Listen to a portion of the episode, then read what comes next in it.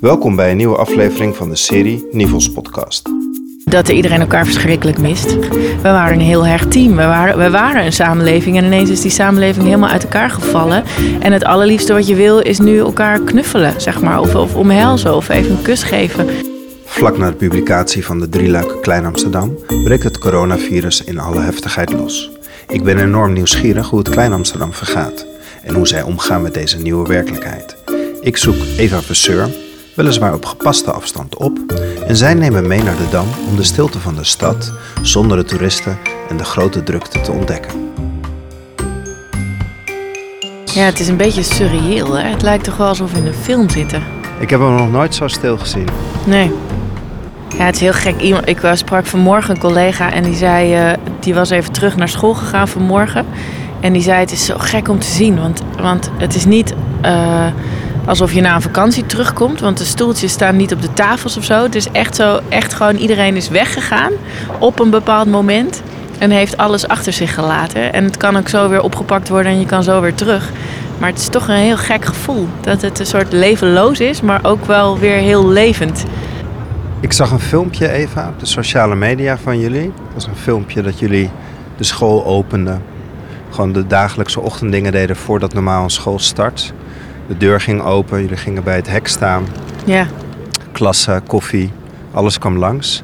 Alleen er kwamen geen kinderen. En toen ging het filmpje door dat jullie op zoek gingen naar de kinderen. Jullie konden de kinderen niet vinden. En vervolgens haalden jullie de schoolhond erbij en jullie vroegen aan de schoolhond, waar zijn de kinderen? En die schoolhond die rende door het gebouw en uiteindelijk kwam hij op een klein plekje en blafte hij naar de camera. ja, ze zaten thuis. Ze zaten aan de andere kant van de cameralens. Ja, wij zochten echt naar een manier. Hoe kun je nou, weet je, al die kinderen zitten opeens thuis. Eh, eh, en die, eh, er was natuurlijk in school al heel veel onrust. Want vooral de kinderen die iets ouder zijn, die zijn heel erg bezig met corona. Wat betekent dat nou? En wat betekent dat nou voor mijn gezin en mijn familie? Maar die zaten dus opeens thuis. Dus opeens geen contact meer met school. En wij hebben heel lang nagedacht, eh, eh, meteen de maandag na die persconferentie, van hoe gaan wij kinderen dan hier in dit verhaal meenemen? Weet je, gaan wij ze informeren eh, over wat er precies aan de hand is? Of gaan we toch op een speelse manier, weet je, eigenlijk gaat het onderwijs thuis gewoon verder waar we gebleven waren in het schoolgebouw. En eigenlijk hebben we dat proberen te overbruggen. Dus dat het niet, niet, niet te angstig of niet eh, gaat over wat is er nou precies allemaal feitelijk aan de hand. Maar, eh, maar wel, we zitten nu ineens allemaal thuis. En eh, toch gaan we het op een andere manier even met elkaar proberen. Was dat moeilijk om die switch met elkaar te maken? Nee, in eerste instantie ging het meteen. Eh, iedereen, ik vind het zo bizar dat we hebben van niemand de opdracht gekregen. Hè? Geen enkele onderwijsinstelling heeft opdracht gekregen. Jullie moeten open blijven of jullie moeten onderwijs blijven bieden. Maar elke school was woensdag, donderdag of vrijdag zeg, in die week alweer eh, online te vinden. En had een heel programma wat die af kon draaien op een andere manier. En ik vind dat wel echt wel heel bijzonder om te zien. Dat onderwijs is dus zo'n verantwoordelijke eh, eh, groep mensen... Dat ze, dat ze het toch wel weer een draai aan geven. Ja, ik, ik bespeur ook een beetje over eh, enthousiasme. Ik zie mensen ook echt ontzettend Ja, hard ja. werken om het enorm goed te doen voor iedereen. Ja, ja en dat is, dat is moeilijk. Want je, weet je, 90% van je werk is echt is in interactie. Eh, altijd. En nu ineens heb je die interactie ehm, ehm, minder. Weet je wel? Verlies je sommige kinderen eh, eh, uit het. Die heb je, zie je niet meer dagelijks. De ouders zie je niet meer dagelijks. En dat maakt het toch wel heel anders. Dus je moet op een heel andere manier ook met, met die dingen omgaan. Maar even heel eerlijk, tussen jou en mij. Ja. Ging jouw pioniershart ook een beetje kloppen? Ik vond het zo lekker, joh. Ja. Ja, ergens is het, is het dan een soort van een nood een deugd maken. Dat je, dat je toch denkt, zodra je eh, ingeperkt wordt, dan, dan eh, gaat de creativiteit stromen. Maar dat merkte je niet alleen bij mij, dat merkte je bij dat hele team, man. Iedereen stond echt te trappelen. En, eh, en ook wel een beetje overmand door emotie, want het is ook allemaal heel heftig. En het is zo, je loopt door de school en je denkt het ene moment krijg je een beetje paniekaanval. En het volgende moment denk je, oh, ik zie weer een kans. Dus het is een beetje snel schakelen. Maar het is ook wel, tuurlijk is het lekker. Het is, het is wel weer op een heel andere manier werken. En ik denk dat wij hier als onderwijs, als primair onderwijs enorm veel aan hebben. Weet je wel? Als we straks weer gewoon kunnen draaien. maar dan moet dat wel het geval zijn op korte termijn natuurlijk. Kunnen we terug naar gewoon? Of gaat deze periode een dusdanige verandering, kanteling brengen. Het zou dat mooi we zijn. eigenlijk niet meer terug kunnen. Het zou heel mooi zijn dat je, want ik zag zo'n eh, een, eh, een, eh, weet ik veel, een, Twitter of, of een tweetbericht van Wim Daniels. Die zei eh, 1 juni is een mooie datum, want Juno is, betekent wedergeboorte, opnieuw geboren worden. En het zou wel gaaf zijn als wij als samenleving even opnieuw geboren kunnen worden. Dat je het nu, dat was precies wat ik eigenlijk met de leerkracht van de Vondelparkgroep van groep 5 vandaag besprak. Van, eh, eh, om daar ook de kinderen in mee te nemen. Weet je, wel? als we straks weer opnieuw gaan beginnen, wat, wat wil je dan eigenlijk niet meenemen en wat wil je, eh, wat mis je het allermeest? Komt dat nu bovendrijven al? In Ja. die eerste anderhalve week? Ja, nu al, ja. Wat is even het belangrijkste wat je, wat je nu al ziet? Eh, dat er iedereen elkaar verschrikkelijk mist. Dat het heel, dat het heel lastig is.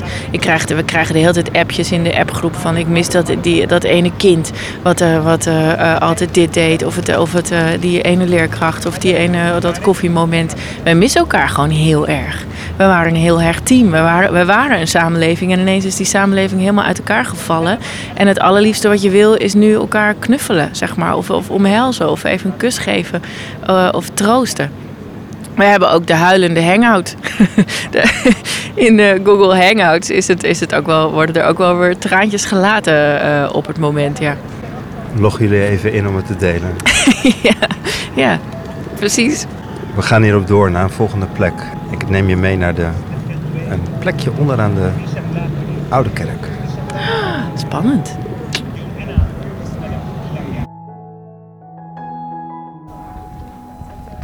Zo Jan-Jaap, vertel eens, waar zijn we? Want jij hebt me meegenomen naar de Oude Kerk. En we staan hier onder aan de Oude Kerk. Het zonnetje schijnt, het is heel rustig. Het is echt heel stil, hè? Voor de luisteraar, dit is, we staan midden op de Wallen, bij de Oude Kerk. Normaal wemelt het hier van sowieso toeristen, bedrijvigheid en nou ja, alles wat los en vast zit. Er kwam net een zingende reggae meneer, dat is nog een beetje de enige verwijzing. Positivity, hoorde ik. Hij, had ook, eh, hij rook ook naar de positivity. Iets wat normaal hier gewoon gangbaar is. Het, het, eig- eigenlijk het bord geen alcohol op straat, een boete van 95 euro... verwijst nog naar de periode dat hier gekkenhuis was. Ja. Ja. Ja, ik heb deze plek uitgezocht, Eva, omdat eh, we staan voor de ingang van de Oude Kerk. En hier op het trottoir, tussen de, ja, de middeleeuwse stenen, zou ik bijna zeggen, zit een heel klein kunstwerk. En gewoon voor de, voor de, voor de sociale veiligheid kan jij even vertellen wat, wat dat kunstwerk is. Nou ja, we liepen er net overheen, want in de trottoir is een, eh, een, eh, komt een borst uit en daar zit een hand op. Een borst met een hand. De hand op de borst. De hand op de borst, op de grond, eh, onder de oude kerk, onder de ingang. En nou heb ik heb hem nog nooit gezien.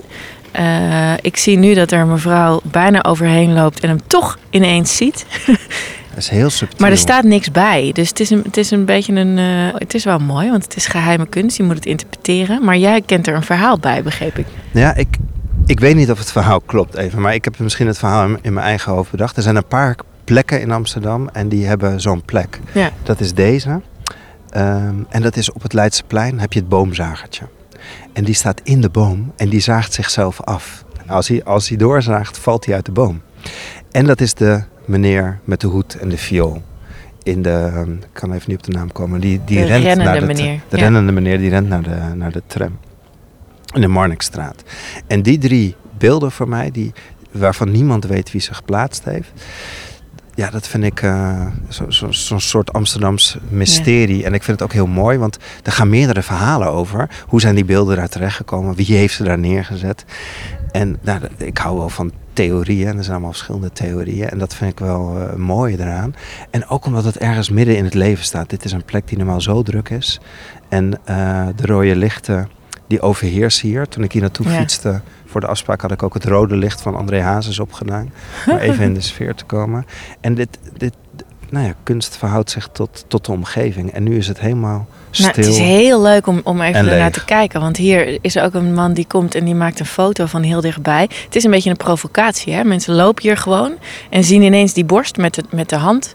En gaan toch even dichterbij kijken of een... eh, oh, deze gaan een foto van zichzelf, een selfie met de borst maken. Ze houden trouwens wel maar netjes anderhalve meter afstand. Ja, dat waar. Ja, van de borst niet. Maar dat, eh, eh, het is wel mooi dat het, dat het zo'n geheim kunstwerk je even uit je dagelijkse sleur haalt of zo. Ik ken één theorie en ik weet niet of die waar is. Mhm. Er gaat een theorie, er gaan meerdere theorieën, maar één van de theorieën is dat ehm, deze kunstwerken door prinses Beatrix in de stad zijn neergezet. Ah, En zij was natuurlijk ook, ze deed veel aan kunst. Ze maakte ook veel kunst. En er is een theorie dat, nou ja, toen nog koningin Beatrix, zeg maar, stiekem de stad in ging. ja, dat zou en wel op gaaf een zijn. nacht, deze, ja, ze stonden er ineens. Ja. Nou, ik zie er best voor aan. Ik dacht aan deze, ja, ik ook wel. Ja, Met hoed op en Ja. lange regenjas. Midden op de wallen. Steentje weggraven, kunstwerk erin. Ik vond het een markante plek, omdat in de driedelige podcastserie die we hebben opgenomen, je natuurlijk heel erg vertelde, we kunnen zoveel leren van de stad. Ja. En een van de meest belangrijke dingen die ik eigenlijk de toekomstige jeugd wil meegeven, is verbeeldingskracht. En ik denk dat kunst zo mooi die verbeeldingskracht kan versterken. En daarom dacht ik van, we gaan even langs dit, deze plek waar normaal druk is en nu ijsstil. Is die verbeeldingskracht. Hoe ga jij nu binnen Klein Amsterdam eigenlijk om met het onderwijs en die omgeving? Want jullie heten leren in de tussenruimte. Hoe, hoe geven jullie nu vorm aan dat leren in die tussenruimte? Blijven jullie dicht bij je visie? Of ga je, ga je, stap je er toch een beetje vanaf? Wat, eh, wat gebeurt er in het? Nee, ik vind, ik vind dat we eigenlijk alleen maar nu opereren vanuit onze visie. En ook al is de omstandigheid niet ideaal, kun je best veel met die omgeving. Want ook thuis is een omgeving. En, en eh, je zegt verbeeldingskracht. En daar zit natuurlijk, weet je, kunst is een, eh, is een hele mooie vorm om, eh, om het over verbeeldingskracht te hebben. Of om verbeeldingskracht om te leren verbeelden. En al onze kunstvakdocenten zijn, dat is heel leuk om te zien. Maar die zijn allerlei filmpjes aan het maken. Een van de items is huis, tuin en keukenkunst. en daar is, eh, dat is bijna een soort creatief met kurk eh, filmpjes zijn dat. Met echt een leuk introotje. eh, maar waarin tips worden gegeven over wel- met welke materialen je allemaal kan werken thuis. Dus dan gaat het echt over potjes met linzen en eh, eh, zout en een, eh, en een kruimeldief. En daar dan muziek mee maken. Of met verschillende soorten, hoe je eigenlijk lijmt met kinderen. Weet je wel? Want voor veel ouders, je kan wel een pritstift op, tafel zetten. Maar hoe je bijvoorbeeld met behanglijm en als je daar een spons in legt. En als je daar je blaadje over, weet je, allemaal van die trucjes die je op school heel erg gewend bent. om mee te werken, dat je die ook voor thuis meegeeft. Zodat ze daar, weet je, daar is ook je omgeving belangrijk. En we zijn ook gestart met eh, waar leer jij dan eh, thuis? Weet je, heb je een plekje wat je, wat je, wat je, eh, waar je het liefst leest? En heb je een plekje waar je het liefst achter de computer zit? En wissel het allemaal een beetje af. Want, want die omgeving is voor iedereen, voor ieder kind een andere omgeving. Maar we zitten allemaal wel een beetje in hetzelfde schuitje. Ik sprak van de week een, een leerkracht en die had echt letterlijk twee dagen en een nacht doorgehaald om al het materiaal voor zijn school klaar te leggen voor de ouders. En zij hadden vrij lang gesproken met elkaar. Wat geven we mee naar huis? Ja. Eh, een overweging die zij heel belangrijk vonden was dat ze kinderen geen nieuwe moeilijke leerstof meegaven. Zodat ze niet meer druk gaven aan de ouders die het ook wel ingewikkeld hebben. Ja. Met een nieuwe ritme vinden, met, een, met zich verhouden tot wat er nu gebeurt. Ook in combinatie met werk, wat vaak ook nog online doorgaat. Dus zij kozen ervoor om niet te ingewikkelde dingen mee te geven. En ehm, nou ja, ik sprak hem, hij was natuurlijk ook moe, maar ik sprak hem op een kwetsbaar moment. En hij, hij gaf aan dat hij ook zeurende ouders hadden. Ehm, dat de, de plusboekjes bijvoorbeeld niet meegaven. En dan kunnen ze dat allemaal uitleggen. Maar hij, er kwam ook nog wel weerstand. En heel veel mensen zijn super blij. Maar ik vond die afweging die zij zo bewust gemaakt hebben. Wat geef ik mee naar huis? Wat geef ik niet mee naar huis? Wat laat ik kinderen thuis doen of niet? Hoe speelt dat bij jullie een rol en hoe gaan jullie daarmee om? Nou, we hadden maandag hebben wij meteen uh, zijn we toch samengekomen en hebben wij uh, uh, het met elkaar hierover gehad. Want daar verschilden de meningen natuurlijk ook wel over. En, uh, en we hebben alle argumenten ook goed naar geluisterd. Want de ene zei bijvoorbeeld: ik wil wel werkboekjes meegeven, want sommige kinderen werken zo fijn op papier. Terwijl de ander zei: ik wil geen werkboekjes meegeven, omdat, uh, omdat ze er, geen instructie of geen context bij krijgen. Dus, en, dus dan gaan ze maar wat doen, of dan gaan ze voorwerken of achter. En dat wil ik eigenlijk niet. Dus ik wil een soort van controle over wat ik uitgeef.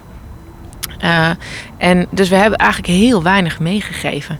We hebben alleen wel heel actief Chromebooks uitgedeeld, omdat het allemaal online is. En er zijn natuurlijk ook ouders die geen, uh, die, uh, geen device thuis voorhanden hebben of die heel slecht internet hebben. Weet je? Dus daar hebben we geprobeerd om zo goed mogelijk te ondersteunen. Maar we hebben geen materiaal meegegeven. en voor ons is eigenlijk het, het eerste doel is verbonden blijven aan de school. Dus dat zij zich echt nog kleine Amsterdammers voelen. En uh, uh, dat is eigenlijk ons, ons primaire doel van dit online programma. En het tweede uh, is om niet te veel achterstand. En dat vind ik niet een fijn woord, achterstand. Om eigenlijk het leren door te laten gaan in de, deze periode. En niet op dezelfde manier als wanneer je naar school gaat. Want dat is echt niet haalbaar. Um, maar wel op een manier die, die, die hetzelfde of, of gelijkenissen heeft met hoe je op school leert. Nou, zit jij samen met Berit in de directie en aan jullie de kunst om uh, de boel bij elkaar te houden, ook op afstand. Ja, dat is echt. En daar zijn we natuurlijk helemaal niet in geoefend. En dat, dat, dat is ook niet iets wat wij kennen. Het, het um, online met elkaar werken. Dus dat is wel, dat is, uh, dat is best een uitdaging. Nou heb ik een paar dagen in jullie school meegelopen. En ik zag mensen die gewoon keihard werkten en helemaal vol beziening ja. voor die kinderen gingen in dat gebouw. Mooi hè, dit geluid. Ja. Klinkt ook lekker in de podcast, denk ik. hoop ik, hoop ik. Hoop. Dus ik kan me ook voorstellen dat het nu ook thuis gebeurt. De ene leerkracht die rent harder. De, gaat, de, de, leerkracht, zal, ja, team. Ja, er, zal, ja. er zal ook verschil in zitten. Ja, dat, niet maar dat kan ook niet anders. Die middelen, niet iedereen heeft nee. die ruimte, niet iedereen heeft überhaupt thuis zullen misschien ook nog kinderen rondlopen en er gebeurt ja. van alles. Hoe probeer je dat een beetje voor nou, ja, dat ook benoemen. Want ik geloof dat, weet je, de, de, de mensen die de eerste dagen daar vooral aanwezig waren, dat waren de mensen die niet drie kinderen thuis hadden rondlopen en een man in een vitaal beroep. Want je ineens speelt je thuissituatie natuurlijk een hele grote rol in hoe je kan functioneren. En dan heeft het niks met willen te maken, maar echt met kunnen. En die, je ziet wel, wat leuk is om te zien, is dat er sommigen uh, uh, uh, ineens helemaal tot bloei komen. Want die vinden het zo lekker om dit te organiseren. En anderen die een soort presentatietalent in zichzelf ontdekken.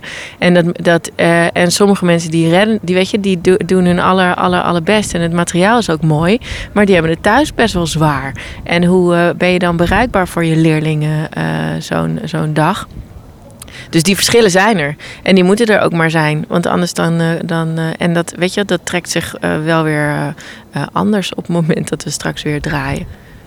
En nou kom je tot een spreuk die de afgelopen dagen in mijn hoofd rondresoneert. En um, je zegt die verschillen zijn er.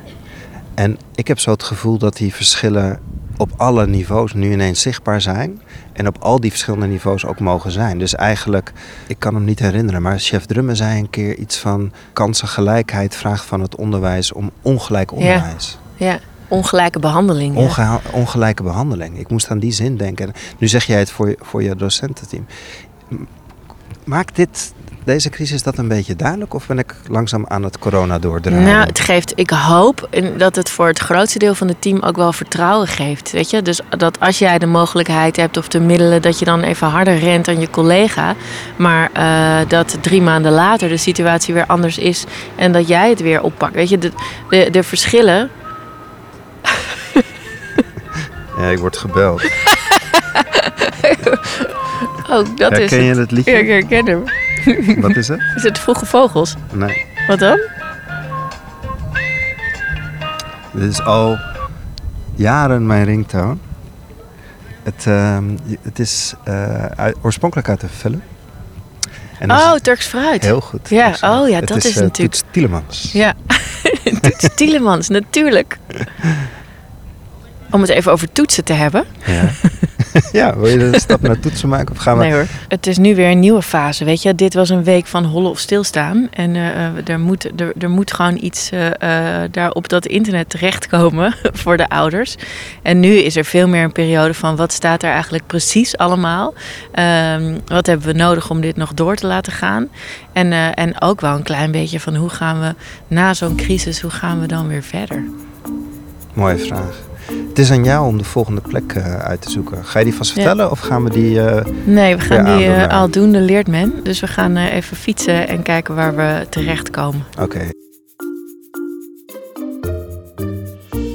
Eva, je hebt een nieuwe plek uitgezocht. Ja. Onder de Magnolia tegenover het Vlaams Cultuurhuis. De brakke grond in Ja. de Nes. We zouden bijna vergeten dat het lente was. Maar alles is hier gesloten. Ja, het hart van de culturele theaters. Ja, het is toch wel Dicht. gek hè. Alle instellingen, alle musea, alle theaters, alles is nu dicht. En blijft zeker 80 dagen dicht. Eh, en er gebeurt natuurlijk ook, zij zijn natuurlijk alles. Ik ben al allemaal theatervoorstellingen aan het kijken thuis eh, op mijn bank. Dus dat is eh, hartstikke leuk. Maar, maar hoe overleven ze dit? Het is natuurlijk wel een heel spannende tijd.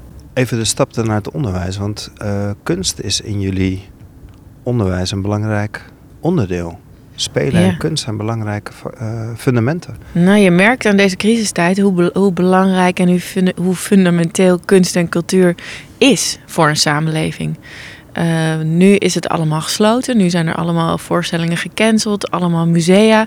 Maar ondertussen staan er dichters eh, op eh, en zijn er kunstenaars die, eh, die dingen delen online. die toch een soort van troost bieden of perspectief of een soort een breder blik op waar de wereld nu staat, weet je, en wat we nu met elkaar aan het doen zijn en juist ook niet aan het doen zijn. Dus het is wel, het ergens is, is het ook wel heel interessant om te zien wat is nou eigenlijk die waarde van kunst. Eh, en het zal de kunstsector zal het ook wel drastisch veranderen, zo'n crisis. Ik ben benieuwd waar zij mee bezig zijn, waar, wat zij hiervan leren, wat zij meenemen. Hoe gaat het met de mensen? Want jullie hebben een belangrijk onderdeel van je curriculum. Maar dat is natuurlijk een ontzettend belangrijk onderdeel van jullie Ja. dagelijkse programma, de kunstvakken. Kan je er Ja. iets over vertellen en hoe zich dat nu verhoudt? Nou, vooral dat wij kunstvakken zoveel mogelijk, eh, eigenlijk de kunstdisciplines, zoveel mogelijk integreren in de rest eh, van de projecten. Dus dat wij het niet zozeer als een uurtje beeldende vorming zien, waarin je je motorische vaardigheden eh, ontwikkelt en eh, eh, eh, iets heel keurig op papier krijgt, maar dat het veel meer een vorm is van reflectie. Weet je, een middel waardoor je kunt reflecteren en waardoor je je kunt uiten. Dus het, is, het, het heeft een, andere, ehm, een ander doel dan je vaak in het basisonderwijs ziet. En wat gebeurt er met kinderen? Wat zie je gebeuren? Ja je, ja, je ziet dus waanzinnig veel gebeuren op het moment dat je daar veel aandacht aan besteedt. Als je bijvoorbeeld kiest de materiaalsoorten waarmee je eh, eh, iets maakt eh, en de analyses die daarover worden gemaakt. Ik sprak, of ik zag bij Aline, onze atelierista, eh, is ook beeldend kunstenaar. En die fotografeert bijvoorbeeld alle werken van kinderen heel nauwkeurig. En wat zij zag was dat er waren kinderen die waren heel eh, zorgvuldig aan het werk. En die waren echt aan het experimenteren met eh, materialen op papier. En die werden toen heel even eruit gehaald door iemand die zei: Jongens, we moeten nog voordat de ouders komen, moeten we nog even die eh, eh, kartonnen poppenkast verven. En die kinderen hadden helemaal geen zin in, dus die gingen eruit en die begonnen met verven. En die moesten echt een beetje plichtmatig, moest dat hele ding eh, in een kleur. En die kwamen vervolgens weer terug achter hun eigen blad en gingen iets totaal anders maken. En je zag het voor en het na. En je zag hoe wezenlijk anders dat was. Dus dat het zoveel te maken heeft met waar je op dat moment mee bezig bent, wat je kunt maken en waarom je het maakt. En dat, vind, ja, dat, is wel, dat zijn heel interessante processen waar we ook niet te snel aan voorbij moeten gaan, want waar je in alle vakken ook iets aan kan hebben. Wat zie je nu gebeuren bij de docenten van die vakken die nu op afstand onderwijs aan het inrichten zijn? Ja, wat, wat gaaf is om te zien is dat zij dus... Zij zijn dus als een razende bezig met het herontdekken van hun eigen vak, maar dan online. En er, er wordt natuurlijk veel, je ziet veel. Het zijn, het zijn ook wel eh, vaak eh, expressieve mensen, weet je. Die vinden het niet zo heel eng om voor de camera te gaan. Maar ik, ik heb een eh, filmpje voorbij zien komen van Nina, onze ehm, kunstvakdocent, die haar vriend heeft ingezet. Die heeft een hondje gespeeld in haar film. Zij heeft een hondenhok voor hem ontworpen. En ik zie Hilde door haar eigen huis gaan. En, en Carina, die een briljant filmpje heeft over vlekken maken. Het is, wel, het is wel heel erg leuk om te zien uh, uh, hoe dit het team met elkaar verbindt. Weet je wel? We hebben natuurlijk een opvangfunctie voor de ouders die in vitale beroepen zijn. Dat doen we samen. Wij zijn geen onderwijs en opvang meer. En dat, dat wilden we al niet. Maar je zag in de praktijk dat je nog heel vaak twee gescheiden werelden bent. Die uh, allebei heel graag bij elkaar willen komen. Maar soms ook qua praktisch dat niet handig vinden. Zie je nu dat iedereen heel erg samensmelt. En heel erg dit samen aan het, uh, aan het trekken en aan het dragen is. En ook de waardering. Weet je, het is dan allemaal zo zichtbaar. Het is niet meer dat jij in, het ene, in de ene ruimte bent en de ander in de andere ruimte. En je praat er achteraf over. Maar je ziet elkaar aan het werk. Dat is wel ook een opbrengst van dit online gebeuren, van deze coronacrisis. We, we hebben dus eigenlijk, ook al zien we elkaar dus niet live, hebben we veel meer oog op elkaar iets wat dan in mij opkomt, vond ik heel mooi in, in, in de gesprekken die ik voerde met uh, een van de docenten. Die zei, ik ben ook wel eens onzeker. Ja. Ik werkte op een school in West, daar had ik methodes, daar wilde ik niet meer. Ik wilde echt wat anders. Dit was echt waar ik voor koos. Maar ik vind het ook wel spannend. Doe ik het goede? Uh, doe ik het goede voor de kinderen? Hoe borg ik het? Die vertelde dat ze toch best wel vaak ook met een onzeker gevoel naar huis ging. Ja. Dat zal nu Ja, dat denk ik ook. Nou, er zijn een aantal mensen waarvan je merkt dat ze uh, uh, een beetje tot rust komen. Weet je, ze zijn echt even uit het ritme en daardoor wat uh, veel reflectiever. En je tijdverdeling op een dag is natuurlijk ook heel anders. En je hebt niet meer de waan van alle dag en niet meer een continue interactie met de kinderen. Dus sommige, voor sommige mensen is dit misschien wel juist een periode waar je in ieder geval professioneel sterker van wordt.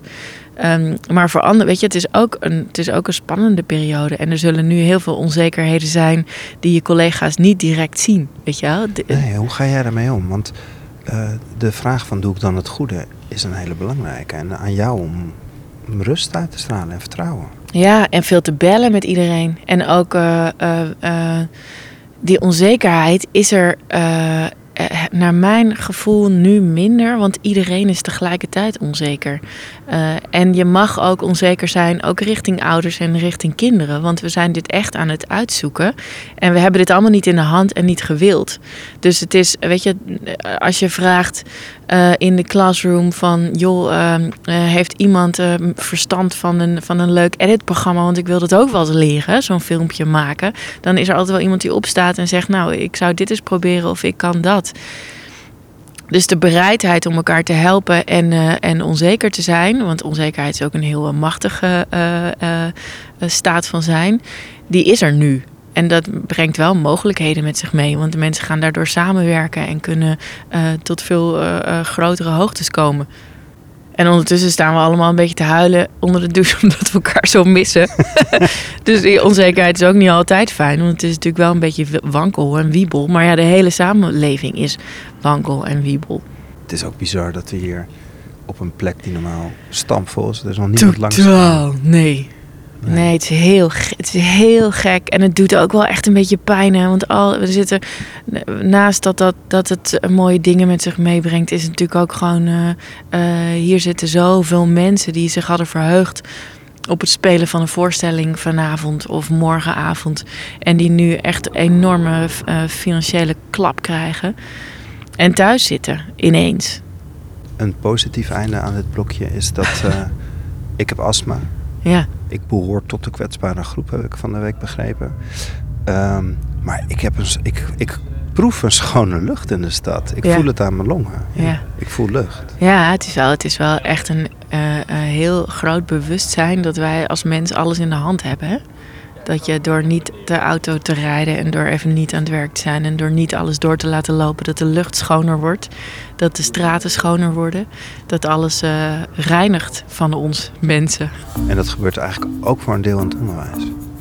Ja, misschien wel. Ik hoop het. We gaan naar een volgende plek. Ja. Eva, we staan bij onze laatste stop. Ehm, we hebben een combinatie gekozen. Ik wil heel graag bij de poortjes van het Centraal Station staan. Ja. Met de vraag, gaan we vanuit vertrouwen of gaan we vanuit controle? En jij wees op het mooie hartje wat op het oude Shell-gebouw staat. Ja. En eh, we staan lekker in de zon. ja, vertrouwen dan toch maar, hè? Maar ja, het is nu in de tijd van corona en het onderwijs ook. Want de, de, de kanteling is naar vertrouwen. We doen het Ja. op afstand. We geven onderwijs op afstand. We kunnen het allemaal niet controleren. Wij in onze opleiding kunnen niet toetsen binnen een bepaalde tijd en kijken of ze niet spieken en zo. We Nee. moeten uitgaan van vertrouwen. Ja. Ik merk aan mezelf dat het mij ruimte geeft. Vertrouwen. Ja, ja, ja, zeker. Het geeft heel veel ruimte. Want je kunt, maar je moet wel weten wie je allemaal kunt vertrouwen en wie eh, toch nog een vorm van controle nodig hebben. Want er zitten echt, eh, eh, onderschat niet dat er nog enorm veel gezinnen zijn in Amsterdam die, nog helemaal, die helemaal niet een laptop of iets tot hun beschikking hebben. En die nu met, met zes kinderen in een, een appartementje van eh, 40 vierkante meter zitten. En die mensen moet je ook wel, eh, die moet je natuurlijk heel veel vertrouwen geven. Maar die, die hebben het ook nodig dat je een beetje eh, ontzorgt. En dat je ze helpt.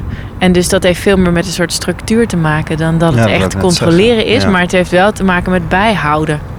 Dus je bent niet een eh, zender die vol vertrouwen, maar ervan uitgaat dat het in elk huishouden allemaal wel opgepikt wordt en, en goed verwerkt. Dus een soort van controle op wie je allemaal bereikt en, eh, en mogelijkheden om mensen te inspireren is toch wel echt noodzakelijk. En controleren, dat lijkt me niet je, dat is niet je basishouding, dat is niet je uitgangspunt. Nee. Nee. Het is leerplicht is nu, wordt natuurlijk ook heel anders ingezet. Hè? Dat is natuurlijk ook wel interessant nu. Ik eh, eh, werd gebeld door, door de beleidsadviseur van de gemeente, van de wethouder. En die vroeg, eh, eh, waar lopen jullie als school tegenaan? En jullie kunnen ook bij het oude kindcentrum terecht of bij de leerplichtambtenaar. En toen maakte ik een beetje een grapje van ja, als ze die twee uur thuisonderwijs dan niet eh, voor elkaar krijgen. Maar zij benoemde ook heel duidelijk, ja, de leerplichtambtenaar is er nu niet eh, daarvoor. Weet je, die controleert niet. Dus die gaat ook heel erg uit van vertrouwen dat het ontwikkelen en het leren doorgaat. Maar als er iets aan de hand is of als er iets misgaat, dat, iemand, dat ze dan inspringt. Waar het nodig is. Ja, Eigenlijk zou het systeem, als het zo ingericht is, voel ik me Nou, er het fijner bij. Ja, ik ook. Het is, het is, een leerplichtambtenaar zou veel meer een ontwikkelrechtambtenaar moeten zijn. Weet je, dat je, ja, dus dat, je, dat je het recht hebt om te ontwikkelen. En daar zijn soms dingen voor nodig. Eh, weet je, daar, daarin is ook iedereen anders en heeft elk gezin weer andere eh, mogelijkheden. Maar wij zijn er om dat gezin te helpen op dit moment. En wij zijn er om het kind te helpen eh, zich te ontwikkelen. En niet om een kind af te straffen of een gezin eh, eh, af te straffen. Of een teamlid, zeg maar, die het, die het even niet meer bij elkaar bokst deze periode. En dan komen we bij het hartje wat daar, wat we, het is nog overdag, dus Dat is, on- ik vind- het is echt ontroerend hoor. Ik woon er vlakbij. En ik zag het toen ik s s'avonds heel eventjes naar buiten mocht. Eh, van mezelf. En ik vond het echt ontroerend. In zo'n stille stad, in zo'n stille samenleving... waarin iedereen angst, heeft voor om eh, ziek te worden... of om eh, niet te overziene eh, situaties... Dat er dan ja, zo'n hartje in ook een, weet je, een ademtoren. Ik geloof dat zij alles wat zij in het restaurant hadden ingekocht aan de voedselbank hier in Noord hebben geschonken. Toch wel mooi hoor. De, een instelling die normaal gesproken. Wat ik ook heerlijk vind, is dat er even niemand gilt. Die schommels die daar boven op die ademtoren staan. daar gilt de hele dag Jan en alleman. en nu is het gewoon stil. Het is opvallend. En dat een, dat een organisatie, zo'n eh, zo'n eh, markante plek. Dat die, weet je, normaal gesproken vragen ze 24 euro om met de lift naar boven, naar beneden te, te mogen of zo. Het is natuurlijk een heel commercieel gebeuren. Maar dat zij zich nu eh, eh, ook eh, van hun nobele kant laten zien. Ik vind dat wel heel mooi. Dat is ook wel tekenend dat deze situatie natuurlijk vrij extreem is. en het hart is voor de zorg. Voel je het ook een beetje voor het onderwijs? Nou, nee, ik denk niet. Ik weet niet of wij. Weet je wel, wij zijn niet zozeer met het bestrijden van corona bezig. Weet je wel? Wij willen ook niet met het verspreiden van corona bezig zijn. Want wij waren toen we open waren. Maar ik, nee, het hartje is absoluut voor de zorg. En wij eh, vangen de kinderen op om mensen in de zorg te laten eh, doorwerken. Want daar, ja, sorry, maar daar gebeurt het. Daar, daar, eh, nee, dat snap ik. Ik bedoel het eigenlijk anders te, te vragen. Ik bedoel te vragen van, zijn de, komt nu niet naar boven, ook in dit, in dit gesprek juist, dat het beroep van leraar zo ontzettend betekenisvol Ja, is. ja. En dat wij zo ontzettend belangrijk zijn in deze maatschappij. ja. In deze veranderende we- werkelijkheid ook. Ja, ja zeker. Dat, dat vind ik absoluut. Eh, dat je merkt, weet je wel, dat in zo'n crisissituatie welke sectoren komen bovendrijven die het, die het draaiende houden. Ja, dat is wel. Pieter Derks had een, had een heel eh, mooie column voor alle nietsnutten. En Slapjanussen, heb je dit gehoord? Ik heb het zeker gehoord, ja. Ik vond het is natuurlijk pijnlijk, weet je. En Rutger Eh, met, met zijn mooie boek De meeste mensen deugen. En die heeft het natuurlijk altijd over bullshit jobs. En ik wil echt niet, niet zeggen dat er, dat er bullshit jobs bestaan. Of dat er mensen eh, eh, de ene minder waarde heeft voor de maatschappij dan de ander. Maar de, de meest verantwoordelijke sectoren, die wel echt van waarde zijn voor zo'n voor zo'n samenleving. Ja, het is zorg, onderwijs, politie, de voedselketen. Weet je, al die dingen die, die, die, eh, eh, die we eigenlijk ook wel een beetje waren vergeten. Weet je, in zo'n soort welvaarts eh, samenleving. Eh, wa- ik, ik wil gewoon een biertje kunnen drinken wanneer ik wil. En leuk eh, eh, naar de bioscoop eh, midden in de nacht. Maar daar gaat het niet om, weet je wel. En op het moment dat al die dingen wegvallen, dan, ligt, dan is er nog een basis. En die basis moeten we in de toekomst echt wel meer gaan koesteren. Bedoel Ja. je dan de onderwijssector in zijn algemeenheid? Of bedoel je ook Nee, je hoor. eigen Ik werkelijkheid? bedoel ook onze eigen werkelijkheid. Want, want wij zijn als team ook alweer een, eh, eh, eh, gegroeid. En, en ik vind dat we echt wel weer meer vertrouwen in elkaar mogen hebben. En dat, uitgaan, dat we meer uit mogen gaan van verschillen. Dat je ziet, weet je, de, die, eh, de, al die leerkrachten die hebben nu echt een inkijkje in de huizen van de kinderen. En zien hoe de ouders zich bewegen in dat huis. En, en hebben echt wel weer andere eh, inzichten gekregen in wat ze eigenlijk doen. Weet je wel? Welke rol ze hebben in het leven van een eh, eh, opgroeiend kind. En dat, dat is eh, een heel andere rol dan de leerkracht die een kind eh, eh, even op een niveau brengt, waardoor die onze economie in draaiende kan gaan houden. Hey, als afsluiting, waarmee zou je willen afsluiten? Zorg goed voor elkaar. En houd afstand. Nou ja, ik, ik vind dat wel een hele liefdevolle boodschap steeds. Dat er, dat er ministers en een minister-president en een koning. En dat er mensen zijn eh, die, eh, eh, behalve de koning dan natuurlijk, maar die eigenlijk vooral best wel hard politiek bedrijven. Dat die zich nu eh, eh, van hun zachte kant laten zien. En ik vind eigenlijk dat, wel, dat wij als eh, samenleving onszelf wel eens van de zachte kant mogen laten zien. Want dit is, een, dit is echt een crisis. En dit is heel erg. En voor sommige mensen komt het heel dichtbij. dichterbij dan voor anderen. Maar ik vind echt dat we goed voor elkaar moeten zorgen. Wij zijn eh, eh, waardevol voor elkaar. Ik kan niet wachten totdat ik iedereen om mij heen weer een knuffel kan geven en een kus en even kan aanraken. Want dat is eh, zo belangrijk. En dat realiseer ik me eigenlijk nu pas. En ik denk dat heel veel mensen dat hebben. Hey, wat, wat, wat gun je de mensen in het onderwijs die nu naar podcast gaan luisteren? Nou, ook zachter zijn. Want het is echt, eh, wij zitten in een sector die maar draait en die draait. En eigenlijk wat je, je weet, eh, je weet zelf wel wanneer je het goed doet en wanneer je eh, het niet goed doet. Eva, mag ik jou danken voor een vierluik? Een En ja, mag ik jou bedanken voor deze vierluik. Ik vond het heel fijn, ook om even uit huis te zijn. en in de frisse lucht. En even Amsterdam te zien, zo stil. Eva, dankjewel. Dank je. Deze podcast is er eentje uit de Nivels podcastserie. Stichting Nivels sterkt leraren en schoolleiders bij de uitvoering van hun pedagogische opdracht. Het Nivels opereert langs vier pijlers. De Nivels opleidingen, het Nivels podium, het online platform Het Kind en de Nivels Denktank. Like deze podcast of geef een aantal sterretjes mee, zodat meer mensen deze podcast makkelijker kunnen vinden. Meer podcasts zijn ook te vinden op www.nivels.nl/podcast. Hoe dan ook, we nodigen u graag uit voor een volgend gesprek in deze serie.